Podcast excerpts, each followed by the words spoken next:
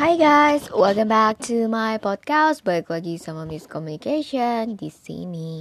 Nah kali ini yang mau gue bahas itu tentang habis gelap terbitlah terang. Di mana ini bukan hanya quotesnya dari Bu Kartini ya, tapi ini memang benar-benar kejadian hampir di setiap proses kehidupan. Yang namanya cuaca itu pasti silih berganti yang namanya gelap pasti akan ada terang Gak mungkin gelap selamanya gak mungkin cuaca itu badai selamanya gitu dan juga kehidupan kita persis seperti itu. Nah, yang namanya cuaca silih berganti ini ada di dalam uh, hukum alam the law of the universe yang kita nggak lihat sama sekali, yang di mana seperti proses penuaan itu kan kita bilang hukum alam, ya kan? Tahu dari mana hukum alam? Kan udah pasti tambah tua gitu.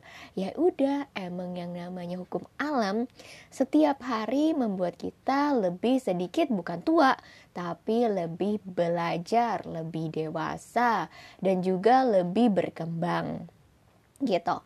Karena uh, penuaan itu nggak jelek kok. Penuaan itu merupakan bukti bahwa kita semakin hari semakin belajar dan berkembang dan juga semakin dikuatkan oleh pengalaman.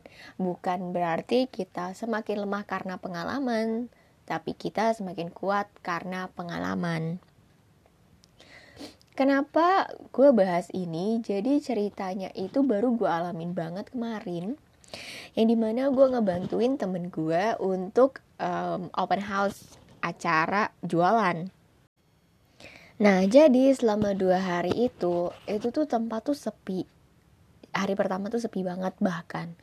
Jadi gue nggak ngapa-ngapain juga kan. Nah setelah sepi itu um, apa namanya gue ngerasa kayak yang sedih aja gitu. Jadi mereka banyak vendor juga yang ada di situ yang mau jualan tapi kok orangnya hampir dibilang nyamuk pun lewat berasa gitu.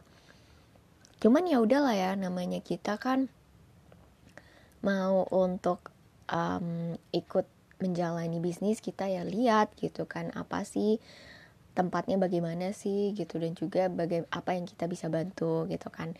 Karena dengan begitu kita bisa belajar satu hal di hidup ini untuk melakukan sesuatu yang kita bisa lakukan dalam bisnis ya usaha sebaik-baiknya gitu. Dan juga lihat pangsa pasar dan juga lihat gimana sih caranya kita itu untuk um, hidup di dalam membantu. Makanya kenapa gue suka banget waktu itu gue baca buku dari Ibu Ria di mana yang namanya brand itu tuh kalau misalnya the power of why-nya mengapanya nggak kuat ya susah untuk bertahan. Dan gue tuh suka banget sama itu bener-bener suka banget. Jadi tuh kayak ngerasa ya kita juga sama uh, which is we as human kita sebagai manusia itu tuh juga harus punya the power of why-nya tuh yang kuat. Kenapa sih gue ada di sini? Kenapa sih gue ada di dunia ini? Gue itu tuh mau dipakai untuk apa? Gitu. Kenapa gue sampai sekarang masih hidup gitu kan? Pasti ada sesuatu yang perlu kita cari tahu gitu loh. Dengan apa? Dengan talentanya kita dengan apa yang kita punya bukan dengan apa yang orang lain punya. Karena kalau kita ngeliat orang lain terus capek adanya kitanya nggak maju-maju buat apa gitu. Jadi yang kita lihat itu balik lagi ke diri kita.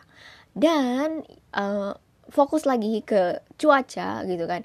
Kenapa sih cuaca pasti silih berganti? Kenapa sih yang namanya habis gelap itu pasti terbitlah terang karena kita itu biar fokus dengan apa yang akan terjadi di depan kita, bukan apa yang lewat dan dan mengeluh ngesahkan mengeluh berkeluh kesah atas apa yang udah lewat gitu. Nyesel boleh, tapi jangan lama-lama dan ambil hikmahnya aja. Kenapa selalu dibilang ambil hikmahnya aja, ambil hikmahnya aja, biar kita tuh nggak lihat terus-terusan ke belakang gitu loh. Hikmahnya apa? Yang dipetik apa? Dan juga bagaimana kita melewati perjuangannya kita itu gitu.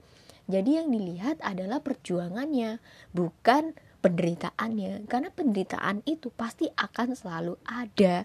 Kita mau maju 10 ribu hari pun itu penderitaan pasti akan terus ada gitu. Kenapa? Karena ketika penderitaan itu tidak ada kita hidupnya akan flat aja. Jadi itu ada mungkin untuk diambil pelajarannya apa gitu. Dan juga untuk kita itu biar pilih kita itu mau di deritanya terus atau di baiknya aja gitu. Karena kalau kita nggak gitu susah. Ke mana pun kita pergi kita akan selalu melihat yang jelek. Ke mana pun kita pergi kita akan melihat bahwa penderitaan itu akan selalu terjadi di dalam hidupnya kita. Iya emang. Selama kita hidup kita harus menanggung beban menanggung salib gitu kan. Itu ya emang udah harus dijalanin gitu loh. Karena yang namanya hidup itu nggak ada yang 100% bahagia. Termasuk orang paling kaya sekalipun yang merasa bahagia pasti ada juga penderitaannya. Gitu. Jangan berpikir ah enak ya kalau gue banyak duit ya belum tentu. Karena kalau kita di posisi itu juga kita belum tentu kuat gitu loh untuk jadi seperti orang yang punya banyak uang. Itu mungkin akan penuh ketakutan karena uangnya terlalu banyak. Mungkin malah punya uang tapi ngerasa kayak nggak punya uang gitu kan. Atau mungkin punya uang tapi ada ada mungkinnya gitu kan. Tapi ketika orang kaya ini tahu uangnya mau dipakai buat apa dan tahu uang itu akan seperti apa dan bagaimana untuk bukan hanya dirinya dia yang di mana dia kasih untuk Tuhan itu uang ya nggak akan ke mana-mana juga gitu.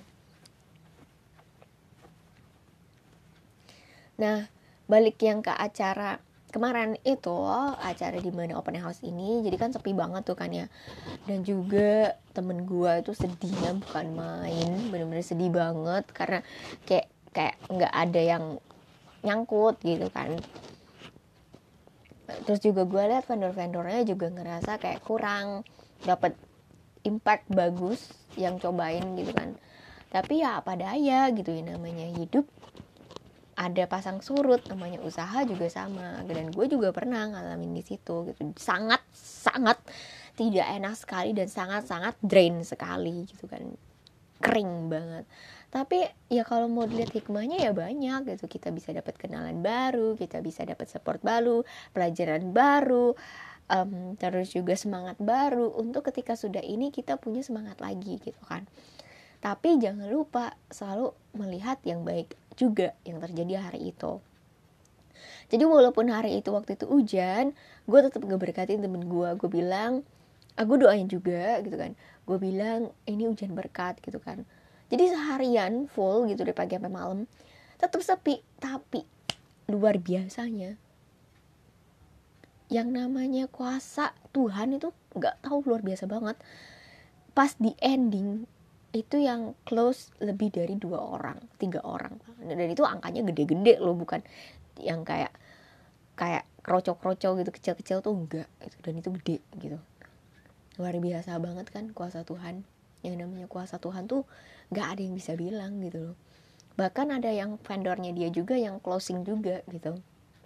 Karena ngelihat segala sesuatu yang ada di situ membantu. Itulah yang namanya kuasa Tuhan gitu kan kalau misalnya kita mau lihat jeleknya aja ya kita nggak bakal dapat apa-apa. Adanya kekecewaan kesedihan amarah dan lelah dan nggak mau lagi gitu. Tapi kalau kita lihat dari kehidupan ini bahwa um, yang namanya pasang surut itu pasti ada yang namanya gelap dan terang itu pasti ada itu tuh bisa dalam sekejap itu tuh langsung berubah gitu. Bener-bener langsung berubah banget. Dan ya luar biasa yang namanya kehidupan bagi Tuhan tuh luar biasa gitu. Jadi kalau misalnya ditanya dan kita takut-takut buat apa? Nggak akan membantu sama sekali. Lebih baik fokus dengan apa yang baik dan akan terjadi nanti. Dan ini baru gue dengar dari ceritanya salah satu pendeta dari China gitu kan yang membahas tentang um, tentang ini tentang apa namanya cerita yang luar biasa terjadi dari orang yang kaya banget dan hidupnya tuh bener-bener bener-bener memberkati Tuhan. Gitu. Jadi awal mulanya dia seorang pengacara punya istri dan empat anak apa lima? Gue lupa. Lima ya eh, lima. Dan hidup dia tuh sangat-sangat melayani. Bahkan dia itu uangnya diputar dari properti. Yang awalnya dia tuh pengacara. Pengacara kan udah banyak duit pasti kan. Walaupun gak semua gitu. Tapi uang dari properti yang dia beli itu tuh ternyata lebih banyak daripada pengacara ya kan dan dia sama mamanya eh sama istrinya itu tuh bener-bener melayani Tuhan dan anak-anaknya. Jadi bener-bener diberkati banget lah. Tapi suatu ketika salah satu anaknya meninggal karena demam yang cukup dibilang langka.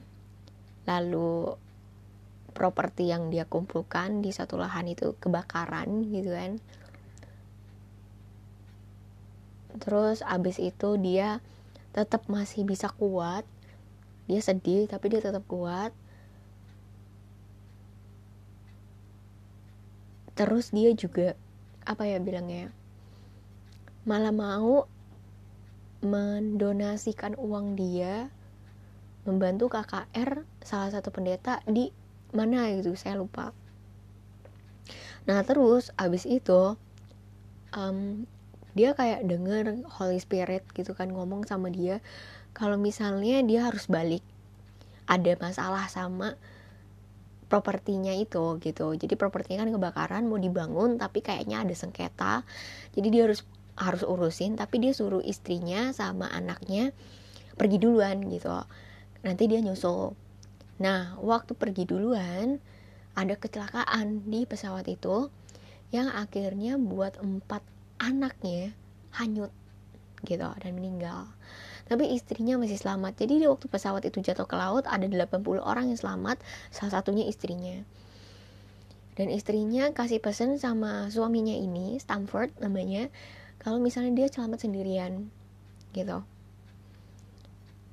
Dan Stanford ini luar biasa ya kalau misalnya dia mau bener-bener berpikir yang jelek tentang Tuhan dia bisa gitu tapi dia tetap tenang. Dia tetap merasa bahwa Tuhan itu baik dan jiwa dia tuh baik-baik aja gitu loh. Uh, eh, gue cerita kayak gini karena gue ngerasain ya kalau misalnya gue jadi Stanford itu pasti sedih banget gitu kan. Yang hilang banyak hal dari anak yang lima itu kan udah dirawat umurnya 9-11 tahunan. Dan juga propertinya yang hampir melayang juga gitu kan. Padahal perbuatan dia itu ya baik gitu. Tapi hebatnya dia tetap ngomong kayak gini sama diri dia sendiri. Apa ya all is well as long as my soul is well atau because of my soul is well gitu. Jadi semua baik-baik saja selama jiwaku baik-baik saja. Dan jiwaku baik-baik saja gitu. Jadi dia tinggalin hal itu. Dia fokus sama yang ada. Dia tetap fokus sama pelayanan. Dan dia sama istri dia juga fokus sama pelayanan juga. Gak ninggalin Tuhan. Sampai akhirnya Tuhan berkati dia dengan satu anak perempuan. Lalu anak perempuan yang kedua juga. Sampai akhirnya juga dia pelayanan ke Israel. Dia bikin rumah sakit untuk anak-anak. Dan setelah dia bikin rumah sakit anak-anak karena dia sayang, sangat sayang anak-anak gitu kan ya dia bangun komunitas gitu untuk anak-anak itu di Israel. Sampai akhirnya dia bangun juga hotel yang salah satu eh, jadi hotel salah satu termegah di Israel hotel bintang 5 di Israel gitu sebegitu besarnya Tuhan memberkati Stanford dari yang diberkati sampai tidak eh, merasa tidak diberkati gitu kan sampai melebihi berkat yang sebelumnya. Nah, jadi kalau kita pelajari dari cerita Stanford ini, berkat itu tuh pasti akan datang. Tapi pastinya setelah gelap gitu. Setelah gelap pasti terbit terang. Setelah badai pasti akan ada pelangi. Dan setelah pasang pasti ada surut gitu. Jadi apa ya? Um, jangan fokus sama yang sudah kita hilangkan lebih baik fokus sama apa yang kita inginkan dan lebih fokus pada apa yang kita punya. Karena dengan begitu kita akan merasa lebih bahagia dan lebih bermanfaat di dalam hidup. Tanpa itu kita kosong tanpa itu kita akan kecewa tanpa itu juga kita akan ya lesu gitu loh. Tanpa itu maksudnya itu di sini adalah penglihatan akan masa depan yang membahagiakan gitu. Karena kita kan pasti pengen bahagia bukan sedih kan? Tapi kebanyakan dari kita selalu ungkitnya yang menyedihkan menyedihkan menyedihkannya aja gitu loh. Ya jadi kapan mau bahagianya kalau yang diungkit sedihnya terus gitu kan? Tetap fokus sama yang baik karena segala yang baik itu pasti akan datang untuk kita di dalam hidupnya kita. Dan segala yang baik itu juga akan um, bermanfaat untuk hidupnya kita juga. Karena apa yang kita tabur, kita juga akan menuai dan kita perlu menabur kebaikan di dalam kehidupannya kita. Dimulai dari diri sendiri. Tanpa itu kita tidak bisa melihat yang baik, yaitu termasuk hal kecil sekalipun. Jangan lupa, bagi siapa pun teman-teman di sini yang ngerasa mungkin sekarang lagi sedih atau lagi merasa kayak yang zombie time gitu kan. Atau ngerasa kayak yang capek sama hidup gitu kan. Atau yang ngerasa kayak yang ya kurang semangat gitu kan. Don't worry itu semua dialami oleh setiap orang. Itu semua hampir dialami bahkan oleh orang terkaya dan tersukses sekalipun gitu kan. Tapi ingatlah yang kita perlu fokuskan diri kita itu bukan orangnya tapi tujuan kita hidupnya. Bukan apa yang kita inginkan kita dapatkan, tapi apa yang bisa kita bagikan untuk dunia. Karena ketika kita ganti fokusnya kita, kita itu akan lebih hidup dan lebih merasakan makna kehidupan. Semoga apa yang gue bagikan di sini bermanfaat untuk teman-teman sekalian. Jangan lupa share uh, jika kalian merasa ini bermanfaat. Dan thank you so much for listening, and I hope you have a great day.